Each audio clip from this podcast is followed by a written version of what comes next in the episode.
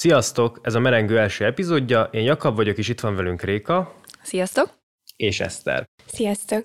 Most a epizódban a ritka pszichés betegségekről fogunk beszélni, és igazából hármat hoztunk nektek. Nem lőjük el, hogy mik ezek, de mielőtt be is vágunk, először próbáljuk meghatározni, hogy mitől ritka egy mentális zavar. Szóval kérdezzek titeket, hogy ti mit gondoltok? Hát alapvetően így a legfontosabb szempont talán most itt nálunk az az, hogy kevésszer találkozik vele a klinikus, tehát mondjuk pszichiátriai osztályon nem igazán szokott megjelenni ilyen beteg, ennek több oka is van. De mégiscsak klinikai témáról beszélünk ma itt, mindegyik betegség egy nagyon komoly mentális zavar, és azért is gondoltuk, hogy fontos ezekről beszélni, mert könnyű összemosni őket más betegségekkel, illetve nehéz ezekre pontos diagnózist találni, és nagyon nehezen ismerik fel a klinikusok pont azért, mert nem találkoznak vele. De hát továbbra, hogy mit értünk a ritka alatt, nem tudom, ezt te mivel egészítenéd ki ezt még? Hát én csak egy ilyen szimpla mindennapi példát hoznék be, hogy pont ezért, mert ennyire könnyű összemosni más betegségekkel, és nehéz pontos diagnózist felállítani, ezért az is egy ritkaságnak egy jele lehet, hogy nem tudjuk ilyen mindennapi oldalakon megtalálni, mint a webbetegen például, vagy ilyen divány.hu cikkeket nem találunk róluk egyáltalán. Nem tudom, hogy hozzáfűznétek ehhez valamit, de szerintem ezzel össze tudtuk foglalni kezelni a ritka betegségeket. Hát én úgy látom, hogy nem csak a webbetegen, de szerintem egy, egy, egy PubMed-en is valamikor nagyon kevés esetet találunk róla, és kevés esetbemutatás van, még kevesebb szakirodalom van az adott zavarról, és nekem az a tapasztalatom, hogy, hogy így a, az oktatásban sincs benne, és nincs szó azok, azokról az igen ritka esetekről, és emiatt könnyen egy kezdő, de még egy, még egy elég haladó klinikus, egy pszichológus vagy egy pszichiáter is átmegy felettük, és bekategorizálja egy másik zavarra. Igen. Ö, akkor az első ö, ilyen ritka pszichés betegségünket én vezetném fel. Ö, egyszer volt, hol nem volt. Volt egyszer egy ö, Münchhausen báró nevű úriember, aki arról volt híres, hogy milyen nagy szabású kamukat tudott kitalálni, Többek között egyik híresebb ilyen mese jelen volt például nála az, hogy vadászás közben felkapták őt a kacsák, és további ilyen monumentális spírár lépések. Erre a Münchhausen névre húztak is egy szindrómát, ami ugyanazokat az elemeket hozza vissza igazából a a szindrómán belül. Tehát ez a Münchhausen szindróma, ez azokat a pácienseket fedi le, akik rendszeresen visszatérően kreáltak hamis történeteket, akár bizonyítékokat is azoknak alátámasztására, annak érdekében, hogy szükségtelen orvosi vizsgálatokon vegyenek részt, akár olyan komolysággal is, hogy operációk alá vetették magukat. És van ennek egy byproxy változata is, amikor a szülő helyezte ilyen kényszerhelyzetekbe a saját gyermekét, ezzel egyébként nagyon komoly veszélybe helyezve őt, olyan szinten, mint hogy vérzéseket szimuláltak, kiütéseket, lázt, szokatlan vizelést akár, és ezt mind valamilyen formában az anya ért el a gyereknél annak érdekében, hogy minél több orvosi specialistát, akár 28-30 specialistát végigjárjanak a gyerekkel egy húzamban. Igazából még mielőtt a biproxy áttenni, még gondolatot hozzáfűznék a Münchhausen szindrómáról, hogy hogy bár ritkának találják, kórházi körülményekben ilyen, ilyen másfél, százalékra titulják, másfél százalékra titulálják a, azokat a betegeket, akik, akik valóban szimulálnak és produkálnak folyamatosan valamilyen testi vagy, vagy, vagy pszichés tünetet. Igazából a Münchhausen szindrómának van egy kódja, amit be lehet sorolni a BNO-ba. Ezt úgy hívják, hogy, hogy faktíciózus zavar, ez az F68.1-es kóddal ellátott mentális zavar, és azt tudni kell, hogy az F60-as kódok, mint nagy korképben gondolkozva, ezek a személyiség és viselkedés zavarok. Tehát ide tartozik az összes olyan személyiségzavar, mondjuk már például a borderline személyiségzavar akár, vagy a dependens személyiségzavar is, illetve a szexuális, meg identitás zavarok is ide tartoznak. És a Münchhausen by proxy az ennek a Münchhausen zavarnak egy ilyen alfaja. Úgy is nevezik ma- ma- magyarul, hogy helyettesítő Münchhausen szindróma. Ennek a kódja mellesleg F68.12, tehát azért is ez a, ez a fakticiózus zavar, zavarokhoz tartozik. Tehát ezek szerint mégis, hogyha találkozik vele egy pszichiáter vagy klinikai szakpszichológus, akkor tudna erre diagnózist adni esetleg. Tehát lenne erre egy BNO kód. De érdekes, hogy ugye visszatér megint ugye ez a ritkaság, amiről beszélünk itt az elején, hogy nem feltétlenül találkozik vele a pszichiáter klinikai szakpszichológus. Elsősorban mondjuk gyermekorvos szokott vele találkozni, mivel nyilván a, gyermeket viszik folyamatosan kórházba, orvoshoz. Beszéljünk egy kicsit az előfordulásáról. Már ezt említetted, hogy hogy az anyák szokták a gyermekükkel ezt tenni. Anyáknál valóban jellemzőbb ez a, ez a zavar, de alapvetően apáknál is előfordulhat. Az a lényeg, hogy mindenféleképpen egy közeli hozzátartozóa legyen a, a gyermeknek.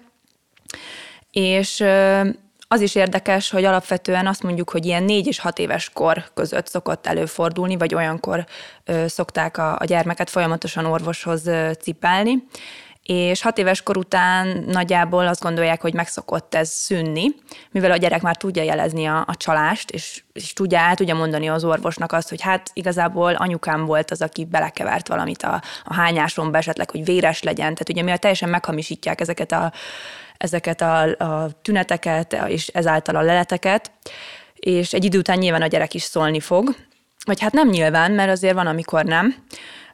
Nagyon érdekes esetek vannak, amikről olvastunk.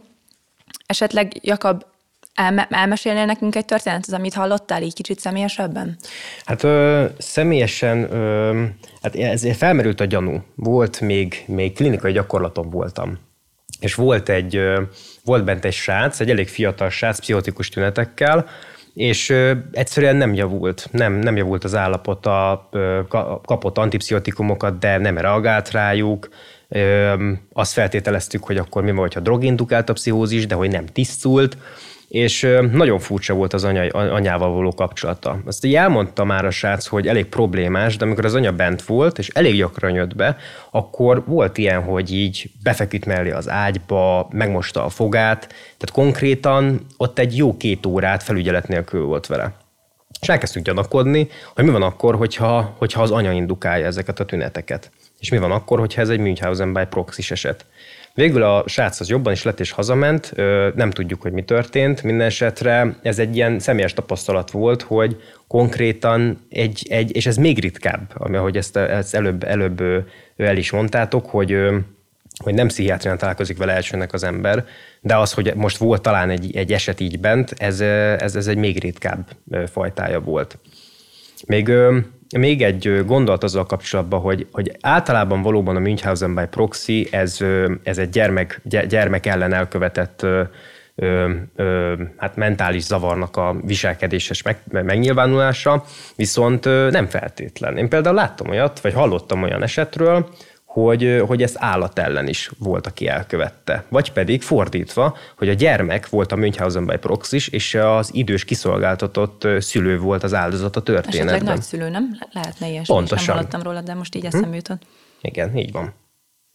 Igen, hát már csak azért is, mert hogyha a gyereknél, tehát hogyha az anyuka biproxis, és mondjuk hat éves koránál tovább is ugye elviseli ezt, tehát nem szól a család vagy csalásról, nem, nem száll szemben, nincsen valamilyen fellépés a kezelések ellen, akkor nagyon sokszor kamaszkorra már a gyerek is átveszi önmagában a Münchhausen, és bőven lehet, hogy ezt ő is viszi tovább utána biproxiként akár a saját gyerekei, vagy hát akár ugyebár az idősebb korosztály felé is. Egy másik egyébként populáris eset, ami még, hát ezt így a média is felkapta egyébként egészen, ez a Gypsy Rose esete, ez egy amerikai történet. Gypsy Rose volt a gyerek, és az anyukája volt ugye a biproxis, aki ugyanúgy ilyen, hát egészen babakora óta kamaszkoráig el tudta húzni azt, hogy elképesztő kezelések alá vetette a gyereket, de egészen konkrétan így nem evett szilárd ételt, hanem valahogy beleinjekciózták, vagy egy ilyen csövön keresztül kapta a gyomrába, elhitette vele, hogy kerekesszékes, hogy mozgássérült, és ezért nem játszott soha folyton ugye a kerekesszékben, őt pedig semmilyen problémája nem volt ilyen téren és hasonló, tényleg rengeteg további ilyen kitalált betegsége volt. És ez nagyon érdekes egyébként, mert megmondom őszintén, én a sorozatot láttam, utána olvastam csak utána, szóval lehet, hogy ott volt egy kis ferdít is, de a sorozatban maga ugye rájön Gypsy Rose a gyerek, hogy például tud járni, fel kell a titokban, fel kell éjjel a kerekes székéből, és ott így próbálgatja a képességeit, hogy akkor most pontosan mi is a helyzet, és megszökik egy idő után az anyjától, amikor rájön, hogy, hogy ez az egész igazából egy kitaláció volt, és hogy ez mennyire fullasztó.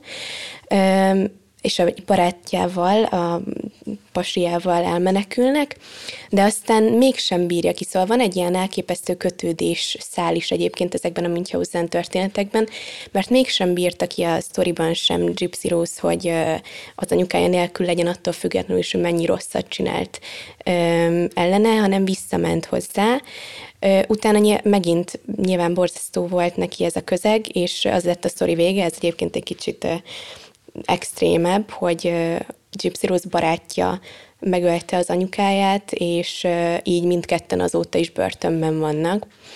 De erről talán egyébként olvashattak is páran így a hallgatók közül, de ez még egy ilyen komolyabb, ismertebb példája ennek. Igen, igen, ugye a sorozat is készült belőle, amit említettél. Egyébként most ugye a börtön behoztad, így mindenképpen szeretném megemlíteni így a jogi aspektusát is ennek a, a zavarnak, hogy utána néztünk, hogy alapvetően Magyarországon azért ez gyermekbántalmazásnak minősül, illetve nyilván a leletek meghamisítása, okirathamisítás is lehet bizonyos esetekben, tehát nyilván függ a súlyosságtól. Kicsit szerintem még beszéljünk arról, hogy, hogy hogyan lehet diagnosztizálni, bár nagyon nehéz ugye pontosan diagnózist erre ráhúzni, inkább vészjósló jelek lehetnek, Jakab, amiket te is említettél, hogy alapvetően mondjuk az anyuka mossa a fogát, nem tudom, tehát nagyon sok olyan lehet, hogy, hogy ha kórházban van a gyerek, akkor az anyja folyamatosan mellette van, egy pillanatra se hagyja el, de mondjuk mire figyelhet egy orvos szerintetek, vagy, vagy mit tudunk így kiemelni, hogy mi az, amire mindenképpen oda kell figyelni, és ami gyanús lehet esetleg? Hát vannak ezek a vörös zászlók valóban, ami, ami elég erős jel, erős jel arra, hogy, hogy egy, egy, egy ilyen, ilyen helyzettel állunk szemben. Egyrésztről, hogyha önmagában a gyermeket megfigyelve azt látjuk, hogy nem javulnak a, a, a, nem, nem javul az állapota, a tünetek folyamatosan kiújulnak, az is lehet, hogy, hogy hospitalizálódik a gyerek minden ok nélkül, hogy nem lehet megmagyarázni semmilyen szindrómával a, a, azokat a tüneteket, amik, amiket, amiket a gyermek produkál, illetve az, hogy a szülő maga folyamatosan ott van a gyermek mellett. Főleg ugye, hogyha kórházba, kórház, hogyha kórházba kerül, akkor folyamatosan ott van mellette, nem elégedett a körülményekkel, nem elégedett a kezeléssel, esetleg kiokítja, mert ugye beszélünk arról is, hogy a Münchhausen by proxis profil magában hogy néz ki, folyamatosan kioktatja a, a szakorvosokat és, a, és a, a, a, azt, azt a tímet, akik dolgoznak a gyermek, gyermeknél. Szóval ez mind olyan intőjel arra, hogy, hogy hogy egy ilyen betegség álltunk szemben. Még egy picit visszaugornék a, a, a jogi ö, ö, dolgokra, mert amikor készültünk erre, akkor én eszembe jutott egy, egy vonulat, amire nem hiszem, hogy gondoltunk nagyon, de én kíváncsi vagyok, hogy ti mit gondoltok, hogy szerintetek a Münchhausen by proxy, ahogy beszéltük az elején, hogy ez egy kódolható, diagnosztizálható mentális zavar, akkor jogilag beszámítható egy ilyen személy. Mert hogy a, mert hogy úgy van a, a büntető törvénykönyvben, hogy olyan esetben, ahol, ahol valamilyen elme, vagy kóra, egy elmekóra állapot áll fent, ö, akkor ö, hát nem feltétlenül beszámítható valaki, mert ugye nem tudja beismerni a tetejének a következményeit. És ö, én ezen, ezen én nagyon agyaltam, hogy akkor, hogyha van egy ilyen, ahol a, ahol jó, igaz, gyermekbántalmazás is fennáll, de hogy egy, egy olyan személy követi el, aki, aki, aki egy mentális zavarban szenved, akkor ő beszámítható egyáltalán. Hát valóban ez egy nagyon nehéz kérdés. gondolom én, hogy rengeteg vizsgálatot kéne elvégezni a személlyel, és valószínűleg egy igazságügyi szakértő állapítaná ezt meg, úgyhogy ezt így gondolom minden, egy, minden eset egyedi. Én azt gondolom, hogy, hogy nagyon nehezen lehet itt általános szabályokat felállítani. Meg szerintem az is biztosan számít, hogy mennyire elfajult a helyzet. Uh-huh. Szóval, hogy miben, tehát mennyire extrém az, amiben ez a biproxy megnyilvánult. Tehát például, hogyha idézőjelesen csak annyi, hogy dörzsöléssel lázat stimulál például. Most nyilván az annyira nem egy veszélyes dolog, mert elmegy az orvoshoz, maximum ad egy gyógyszert, vagy beveszi, vagy nem. Míg például, hogyha valamilyen neurológiai abnormalitást idézel a gyereknél, az már egyből egy, egy sokkal durvább és sokkal veszélyesebb dolog, amit, amit meg sokkal jobban kell büntetni, meg figyelni, hogy uh-huh. ez mhm. plusz azért én megmondom őszintén, nem, nem tudom, hogy ez mennyire vehető tudatosnak, hogy amikor ez a szindróma fent áll, akkor mennyire vannak tudatában az anyák, per esetlegesen az apák, hogy, hogy ők ezzel kárt okoznak. Szóval mennyire van itt egy ilyen, ilyen tudatos bántás, vagy, vagy van-e itt is valamilyen olyan vonulat, hogy ők azt hiszik, hogy ők csak jót tesznek a gyerekkel, és hogy ők hát, segíteni akarnak. Uh-huh. Én, én, én abból, abból ki tudnánk hogy indulni kicsit, hogy a maga a, diagnó, a diagnózisnak, a, tehát ez a faktéciózus zavarnak a definíciójában az van, hogy egy tudatos szimulálás uh-huh. történik. Ha ebből kiindul, akkor, akkor, akkor ebben, ebben van validitása, itt mondasz, Eszter, hogy tényleg lehet, hogy ez egy tudatos dolog. Uh-huh. Ö, és az is jó, amit, az, az is egy jó gondolat, hogy, hogy esetenként eltérő, és azért vannak is súlyosbító körülmények, hogy hány éves volt a gyerek, mi lett a, a, a következménye. De például Magyarországon volt is nem is olyan régen egy ilyen eset, 2017-ben Gyöngyösön, ö, ott, ott, ott, ott, ott volt egy gyermek, aki, egy másfél éves gyermek, aki belehalt a hát alultápláltságba, 3, 3, 3,5 kg volt a, a, a, a, a gyerek, a csecsemő, és, és akkor diagnosztizálták az anyát Münchhausen by proxival. Végül elítélték különös kegyetlenségből elkövetett emberüléssel. Szörnyű, tényleg egyszerűen, hogy ilyenek vannak, és hát Magyarországon is abszolút van rá példa, úgyhogy uh-huh. bár ritka, de, de találunk rá sajnos példát. És még visszautalnék még egyszer így egy picit erre, hogy, hogy tényleg az, az édesanyánkról van szó, és hogy ez, ez még ennél így még szörnyűbb, hogy ahogy említetted ezt így Gypsy Rose esetében is, hogy iszonyatosan kötődünk nyilván az elsődleges gondozunk, és, és az anyukánk, és, és mindig szeretnénk vele lenni, és, és ő követel ellenünk egy ilyen szörnyű dolgot, és pont ezért nagyon nehéz kitörni ebből, mert esetleg, hogy egy után érezzük, hogy, hogy ez nekünk nem jó, és hogy, és hogy tényleg szörnyűségeket követel ellenünk édesanyánk, de mégis annyira kötődünk hozzá, hogy nem tudunk kiszakadni ebből a kapcsolatból is, és benne maradunk. Úgyhogy ez egy nagyon-nagyon kettős nehézség. És ha már így anyákról és kötődésről van szó, lassan áttérhetnénk a, a következő betegségünkre, pszichés zavarunkra, ami a, a küvád szindróma. Nagyon érdekes egyébként, van egy kis aktualitása, mert nem tudom, hogy hallottátok esetleg, hogy terveznek egy terhes férfi emojit behozni a piacra, és férfi társainkat kérdezhetnénk most, hogy el tudják-e képzelni, hogy milyen, hogyha milyen lenne, hogyha terhesek lennének? Hát igen, én, én tudom ez milyen, ezt úgy hogy elte. Szóval. Hát igen, mivel hogy itt ebben a szindrómában erről van szó, hogy, hogy a férfi tehát általában a, a, a feleségnek a, a férje a terhesség során ő is testi változásokat él át, mhm. de csak tünetek szintjén. És milyenek ezek a tünetek, amikor bemész az eltére, Jakob? Hát, fú, hát van, ugye van fizikai tünetek, a hányinger, meg a fejfájás, de hát a pszichológiai tünetek is ott vannak, a kialvatlanság és a szorongás és, és depresszió, hogy így nagyon sarkalatosan kiragadjam ezt a jelenséget.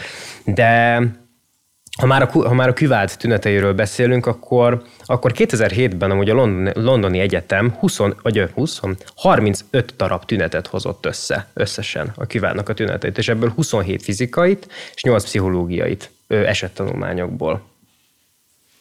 És ö, Azt tudjuk pontosan, hogy hány tünetnek kell fennállnia ahhoz, hogy valakit küvát szindrómával diagnosztizáljunk? Na, itt van a catch ebben a zavarban. Ahogy a, beszéltünk is arról, hogy mitől ritka, ö, hogy ez egy, ezt, ezt a küvát szindrómát ö, ö, nem diagnosztizálható betegség, ugyanis nincsen benne a betegségek nemzetközi osztályozásában. Tehát gyakorlatilag ez egy olyan jelenség, amit egy kórlapra nem lehet feltüntetni, mert hogy olyan, mintha kicsit nem is létezne. Ennek több oka is van. Küvát szindróma miért nem mentális betegség, vagy miért nem tartják annak. Egyrésztről van róla vita, hogy hogy ez inkább mentális probléma-e, hogy az apa krízis állapotban szorongásból produkálja ezeket a szomatikus tüneteket, és egy szomatoform zavarral le is lehet tudni. Másrésztről az is, az is, az is egy oka annak, hogy nem, nem került bele még a BNO-ba, hogy egy, egy nagyon-nagyon alul kutatott jelenség. És például felnéztem a PubMed-re, hogy néztem, hogy hát ha van erről valami érdekes információ, és tudjátok, amikor a, a PubMed-en beírtok egy zavart, akkor ott oldalt kiadja azt, hogy ahogy mennek az évek, hány cikk született róla, és szépen lehet látni, hogy 2000-es évekre mindig így felfele ívelne a legtöbb ilyen. Na a Küvádnál elképesztő, azt láttam, hogy a 2000-es években konkrétan nulla cikk született róla, és legutóbb 2018-ban talán 6 darab, 6 darab szakirodalmi kitekintés volt róla. Tehát, hogy konkrétan nagyon magyarázatunk sincs még rá erre, hogy, hogy mi is a Küvád.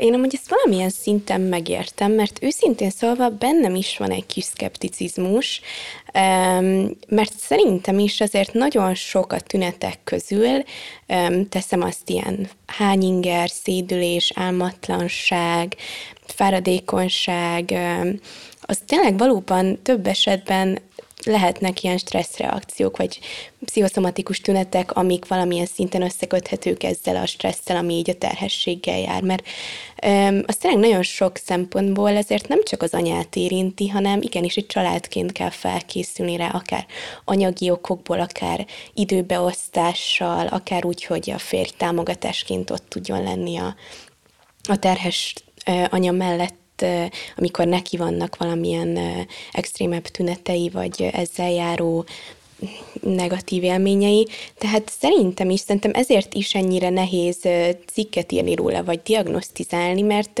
nagyon nehéz lehet szerintem egy választóvonalat találni a között, ami lehetne ez a küvád szindróma, és ami tényleg csak egy ilyen sima stresszreakció, igen mert én is, nekem is vannak ehhez hasonló, meg hát ugye Jakabnak is az eltétel reakciói, és, és én sem, tehát nyilván nem vagyok kivádos. Szóval bennem is van egy kis szkepticizmus ezzel kapcsolatban. Hát érdekes ugye, hogy, hogy nehezen lehet diagnosztizálni, nehezen lehet leírni, mert alapvetően egy antropológiai fogalom. Erre Jakab, te meséltél már múltkor, ezt kifejtenéd, hogy ez mit is jelent? Persze, ezt mindenképpen gondoltam, hogy erről kell beszélni, mert hogy, hogy maga, maga igen, a küvát szó az, az, az, egy, az egy fogalom, és nem pedig egy emberhez lehet kötni. Tehát nem úgy, hogy, hogy, hogy Münchhausen báróról el, el volt nevezve az előző zavar, amiről beszéltünk. A küván maga azt a költést, a fészket jelenti, mind a spanyol, mind a francia nyelven elméletileg, illetve a németből is volt egy másik változat, ami, ami, ami hasonlót, hasonlót foglal magában. De nem így, hogy kivált, hanem valami olyasmit, amit, amit ha le is írtam volna, nem tudnék most kiolvasni. Talán a biztosan, de én, én ezt nem vállaltam be. Maga a küvád jelenség amúgy egészen visszatér az ókori Egyiptomba, ahol, ahol amikor terhes volt a, a feleség, ott a biológiai apa egy bizonyos viselkedés változásban ment keresztül, meg a rokonságnak pár tagja is, hogy ezzel egy ilyen, egy ilyen rituálét ö, ö, vigyenek végre. Ez azt jelentette, hogy, hogy az apa diétázott, nem evett olyan ételeket, nem fogyasztott ö, alkoholos italokat, tehát egy, egy ilyen bőjt ment végbe. És ezután amúgy Később Edward, nem tudom, ismeritek-e, vagy hallottatok-e már róla, de szerintem biztos, hogy igen, van egy ilyen fickó, hogy Edward Burnett Taylor, aki az antropológiának az atya. Szerintem így BA, BA-s tanulmányaitok alatt biztos, hogy volt róla szó. Na, ő volt az, aki például a küvád jelenséggel foglalkozott elég sokat. És ő azt találta, hogy primitívebb törzseknél ott az apa olyan viselkedéseket is csinál, hogy például fekszik az ágyban és nem csinál semmit. Vagy olyan hangokat ad ki, mintha fájdalmai lennének. Volt olyan is, hogy például az anyámnak a ruháit is felvette. De meg volt neki tiltva az apának ezeknél a törzseknél, hogy fegyvert használjanak, vagy bármilyen eszközt, és hogy nem, nem használhattak semmilyen szert, tehát még nem is füstölhettek. Így igazából antropológiailag a küvád az valóban egy olyan folyamat, amivel az apa ö, apa biztonságosan ö, végig, végigviszi a, terhes, a, a, a terhességi időszakot, nem esik semmi baja, és, bio, és valahogy kötődik ahhoz a gyermekhez. Amúgy ez nem csak, nem csak az én primitebb törzseknél, amúgy ezt, ezt Európában is, is találkoztak ilyen esettel, még, még azt hiszem Korzikán, de már nem emlékszem pontosan, illetve Afrikában a bontó törzseknél, mert még a mai napig ez egy ilyen elég létező jelenség, antropológiailag. Igen, de térjünk vissza kicsit akkor Európára, meg esetleg így a 20. századra. Ö, én találtam amúgy egy svéd tanulmányt, ahol 81 svéd terhes nőt vizsgáltak, ö, és igazából ott azt találták, hogy ö, a vizsgált férfiak 20%-ánál lehetett diagnosztizálni a, a küvád szindrómát. Ugye most megint bejön ez a kérdés, hogy mik alapján, itt egyébként úgy volt, hogy legalább két tünetnek kellett fennállnia, most megint vitatkozhatnánk akkor ezen, hogy nem természetes az, hogy valakinek van egy kis hányingere, meg egy kis fejfájása, amikor egy ilyen megváltozott élethelyzetben van. De a lényeg, hogy vannak törekvések, hogy vannak kutatások, pontosabb esettanulmányokat Ugye nem találtunk, egy ilyen kicsit populárisabb példa volt ez a Dr. House-os ö, eset. Igen, hogyha valakit, valakit érdekel, hogy ez hogy néz ki, akkor a Dr. House második éve 13. részében van egy ilyen, amikor nem ez a konkrét eset, amivel House foglalkozik, hanem csak egy-két jelenet. Én nagyon jól szórakoztam akkor azon. Ami szerintem még ilyen tünetnek számíthat, vagy amit még így fontos megemlíteni, az az, hogy tehát abból lehetne, ami, ami nekem így elveszi azt, hogy én szkeptikus legyek, az az, hogy az apáknál is lehet posztpartum depresszió. Uh-huh. És az már nekem egy sokkal érdekesebb oldal egyébként, szóval nekem a szkepticizmusomat azt tudja megölni egy kicsit, mert az viszont egy ilyen nagyon kézzel fogható dolog, szerintem az egy sokkal jobban diagnosztizálható és sokkal konkrétabb tünetekkel dolgozó dolog, és ez, ez valóban ilyenkor látszik a férfinél is egy ilyen szülés utáni depresszió, és ez viszont már tényleg tipikusan ehhez a küváthoz köthető, és, és nagyon semmi mással nem tudnám én is megfogni. Hát meg ha már differenciált diagnózisról beszélünk, akkor ezt figyeljétek, hogy, hogy ugye nem csak, nem csak az apa lehet kuvád, küvádos, hanem, hanem akár a rokonságnak egy valamelyik tagja, vagy pedig a, a barátnője a, a terhes félnek. És például ez egy differenciál diagnosztikai kérdés, hogy maga a, ez az álterhesség jelenség például, vagy a, vagy a terhességi téveszme, az differenciál diagnosztikailag fontos, hogy elkülönítsük, hogy ez most egy küvád, vagy pedig ez egy téveszme, amiben az a fél van. Igen. Ez a rokonság meg barát kérdés azért is érdekes egyébként, mert akkor lehet, hogy ez arról szól, mert például, hogyha a rokonság vagy barát átveszi, például olyan esetben, hogyha ez egy egyedülálló anyukáról van szó, szóval nincs mellette pár, és mondjuk a rokonság vagy a barátok aggódnak érte. Szóval lehet, hogy ugye ez valahogy, igen, igen, ez, ez valahogy ilyen tehát így az aggodalom átvétele valamilyen szinten. Uh-huh. Lehet, hogy ilyen tehermentesítés is benne van ebben, tudat alatt, akár ilyen baráti szinten. Én bennem, lehet bennem is lenne, hogyha félteném egy barátnőmet egy ilyen egyedülálló anyaságtól, akkor én is, én is átvennék akár ilyen, ilyen tüneteket. Nyilván nem szeretnék, de lehet, hogy ez is benne van, hogy, hogy félted és érzelmileg kötődsz a másikhoz, és igen, így így próbálsz könnyíteni rajta idézőjelben. Na, hát akkor ezzel már tudjuk is üzenni, hogy aki szeretne egy rendszer szemléletű műhely munkát írni, akkor itt egy jó téma erre a kérdéskörre. Még a végére azért annyit szerintem beszéljünk meg, hogy a, hogy a kezelés mi lehet egy ilyen esetben. Szerintem nagyjából azért azt találtuk így mindannyian, hogy nem igazán van egy konkrét kezelés, tehát itt azért nem, nem szokás gyógyszereket adni a, a betegnek, Ö, általában azt mutatják az esettanulmányok, hogy születés után, vagy a szülés után ö, megszűnik ez a, ez a szindróma, így illetve másik rosszabb esetben ugye posztpartum depresszióról is beszéltünk, amit már említettél, Eszter. Szóval talán ezt egy kicsit úgy kell felfogni, hogy hogy a kilenc hónap ez erről szólt talán a férfi életében is, hogy közösen a feleségével átéli ezeket a tüneteket, és jó esetben utána mindannyian visszatérnek a, a normális kerékvágásba, és közösen meg tudják kezdeni a, az új életet a, az új gyermekkel. hát nagyon érdekes volt ez a betegség is. Igen, igazából most, hogy erről így beszélünk, így már látom azt a, azt a, ezt a vitát, vagy ezt a, ezt a két oldalt, hogy ezt most miért nem tekintik mentális zavarnak, hiszen konkrétan mi se tudtuk ezt nagyon most egy definíciót adni rá, kezelés sincsen rá, kutatások sincsenek rá, esetek sincsenek rá, Szóval... Kevés, kevés. Kevés, ritka kevés. ugye ez a betegség. De, és de viszont, igen, igen, ritka, viszont létezik. Létezik, igen. igen. Tehát említést kell tenni, az biztos. Uh-huh. Van. Hát akkor ugorjunk is a harmadik betegségre. Ezzel kapcsolatban is van egy jó izgalmas történetem. Még BS hallgató voltam, amikor felhívott egyik délután egy orvosta hallgató ismerősöm, hogy képzeljem el, mi történt vele. Belgyógyászaton volt gyakorlaton, és behoztak egy beteget, aki hát elég csúnya módon a combjáról lenyúzta a bőrt, és elfertőződött. Meglepődtek, hogy mi történt, és hív, és ott a szakorvos hívott egy, egy, egy, egy pszichiátert konzíliumra, és a pszichiáter megmondta, hogy hát ez, ez bizony egbom. És azért hívott, hogy tudom egyet, mi az az egbom. Egy, de nem tudtam, hebegtem, habogtam, hogy hát fogalmam sincs, mi lehet, mi lehet az. És hát kezdjünk is bele, hogy mi az egbom, és akkor így, így láthatóvá válik, hogy ez a történet miért jelentős, és hogy miért mondta ránézésre meg a pszichiáter, hogy ez egbom lesz.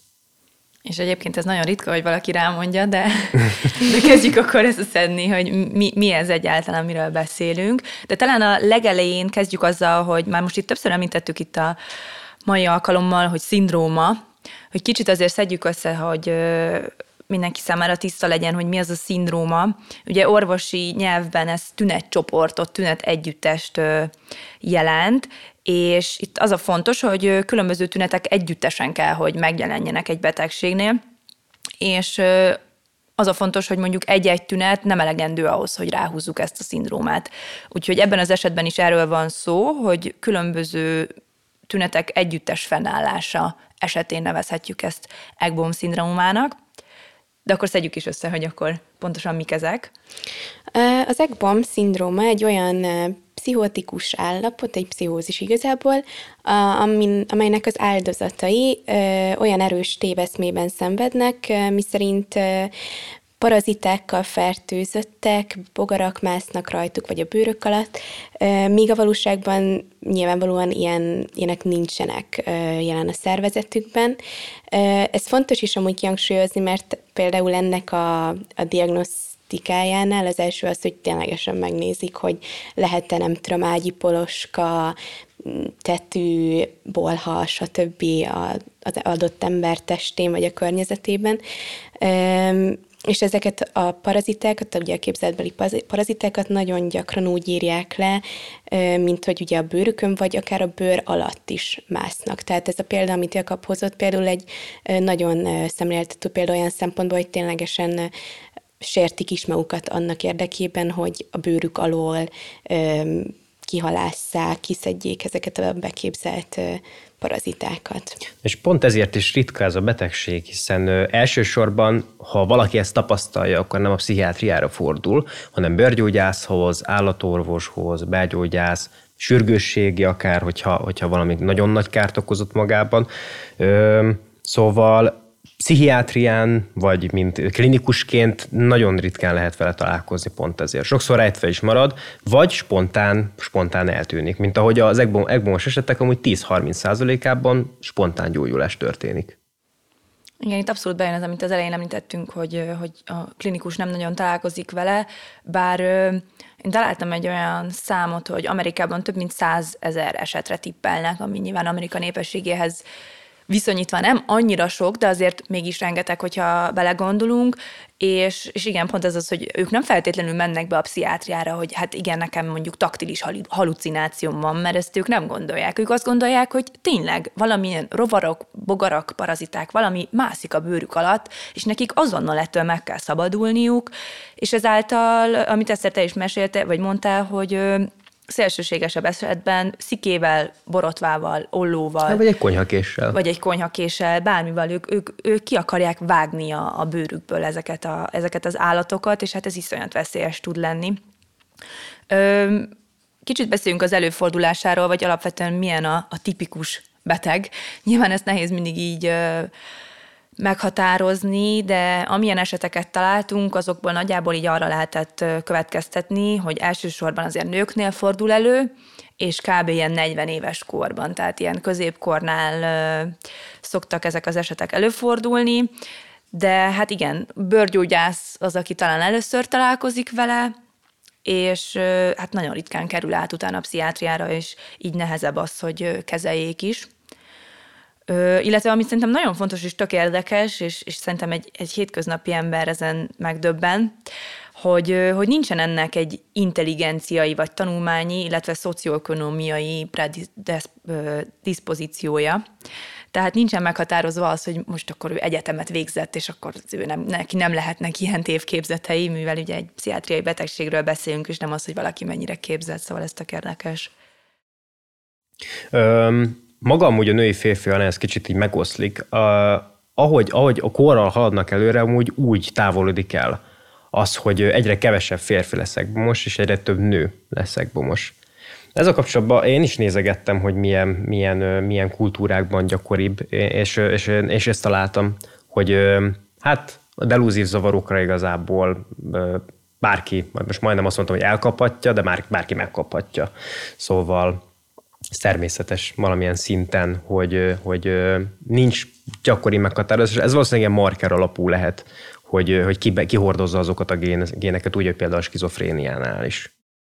Nekem mindig csak az a sokkoló ezzel a szindromával kapcsolatban, amikor erről beszéltünk, akkor is, mikor is felkészültünk, hogy Ugye ez éveken keresztül tarthat, hogy szélsőséges esetekben ilyen tíz évig is akár, és hogy hogy lehet, hogy ennyi idő alatt tényleg nem jut el legtöbb esetben pszichiátriára. Szóval, hogy így bele gondolni is rossz, hogy éveken keresztül akár mondjuk sérti magát az ember, elmegy ugyanahoz a bőrgyógyászhoz, belgyógyászhoz, stb., és hogyha, mivel ugye ez tényleg ritka és nem ismert, rendes kezelést nem kap, hanem tényleg valamilyen tüneti, felületi megoldást, nem tudom, egy raktapaszt körülbelül, és ez, ez nekem ilyen elképesztő egyébként, hogy éveken keresztül is mégis ilyen ritkán van rendes kezelés alatt. Nekem van egy elméletem erről, és szerintem ez amúgy epizódikusan működhet maga az ekbon, mint a legtöbb ö, ö, hát ilyen pszichotikus epizód is, hogy fennáll egy ideig, hogy tegyük fel fél évig, vagy kibírja, vagy nem, de hogy utána ez elmúlik, és aztán újra ez kiújul. De maga a szindróma az fennáll, de hogy ő, ő nem, nem, nem fordul ezért aztán előbb-utóbb. Szakorvos az, aki tovább küldeni pszichiáterhez, az egyik. A másik pedig, hogy én szerintem van olyan formája az ebbomnak, hogy nem, nem, nincs halucináció benne. Maguk a, a, a delúzív zavarok, erre is van egy jó kód, az F22, ö, itt nem kritérium az, hogy halucinációk legyenek a téveszmében, viszont előfordulása lehetséges, tehát nem, kizár, tehát nem, nem is kizáró ok. És én el tudom képzelni azt, hogy hogy maga az egbomos betegnél nincs meg a taktilis halucináció, de a téveszmék ott vannak, és ettől kibírható, vagy nem is kibírható, de lehet ezzel élni egy ilyen téveszmével. Hát ezzel vitatkoznék, hogy lehet vele élni, mert vagy hát vannak szélsőséges esetek, tehát amikről nyilván mindig különböző súlyosságú esetek léteznek, de amikről én például olvastam, vagy cikkeket, amiket kerestem, ott volt olyasmi, hogy mondjuk tényleg az egész életére kihatással van, olyan szempontból, hogy mondjuk egyszer csak elkezdi otthon is nagyon szélsőségesen takarítani a, a tárgyakat, a, a tereket, folyamatosan azzal van elfoglalva, hogy kiűzze magából a bogarakat, szép lassan kiszakad a szociális hálójából, esetleg elküldik a munkahelyéről, mert mondjuk folyamatosan elmegy a mosdóba, és ezzel foglalkozik. Tehát szép lassan az egész élete kezd szétesni, és alvászavarhoz is kapcsolódhat esetleg, hogyha mondjuk éjszaka erősebbek a tünetei, mert erről is számolnak be, Szóval szerintem ennek nagyon nagy hatása lehet így a mindennapokra, hogyha, hogyha tényleg ez folyamatosan fennáll, nem úgy, ahogy te mondtad, hogy mondjuk így epizodikusan. Meg ami szerintem még egy nagyon érdekes dolog, hogy mutattak, vagy találtak olyan esetet, ahol közeli hozzátartozó is elkezdte ezeket a tüneteket észlelni magán. Franciában folia nek hívjuk ezt a, ezt a jelenséget, amikor egy közeli hozzátartozó átveszi a, a, a mentális zavarnak a tüneteit, pontos fordítása ennek az, hogy a, a kettőnek a őrülete, tehát mind a ketten ugyanazokat a téveszméket élik át, és tök érdekes, hogy az Egbon szindróma esetében a betegek egyharmadánál fordul elő ez a jelenség, és utána mind a ketten együtt mondjuk házastársak, és az egész életük egyszerűen csak erről szól, hogy a rovarokat írtják. És más, más fogalmat nyer a viszketek tőled kifejezés. Nem, hát ilyen, ilyen környezetben meg főleg én is amellett állok. Egyébként én a Rékával értek egyet, hogy ez azért nagyon nem elviselhető.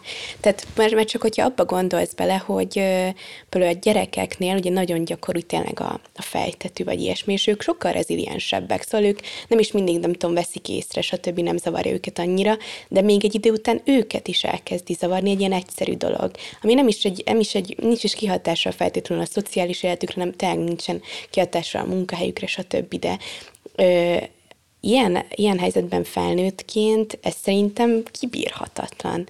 Akkor is, hogyha te elhiszed, tehát hogyha te elhiszed, hogy tényleg ott másznak rajtad, szerintem ez bo- borzasztó.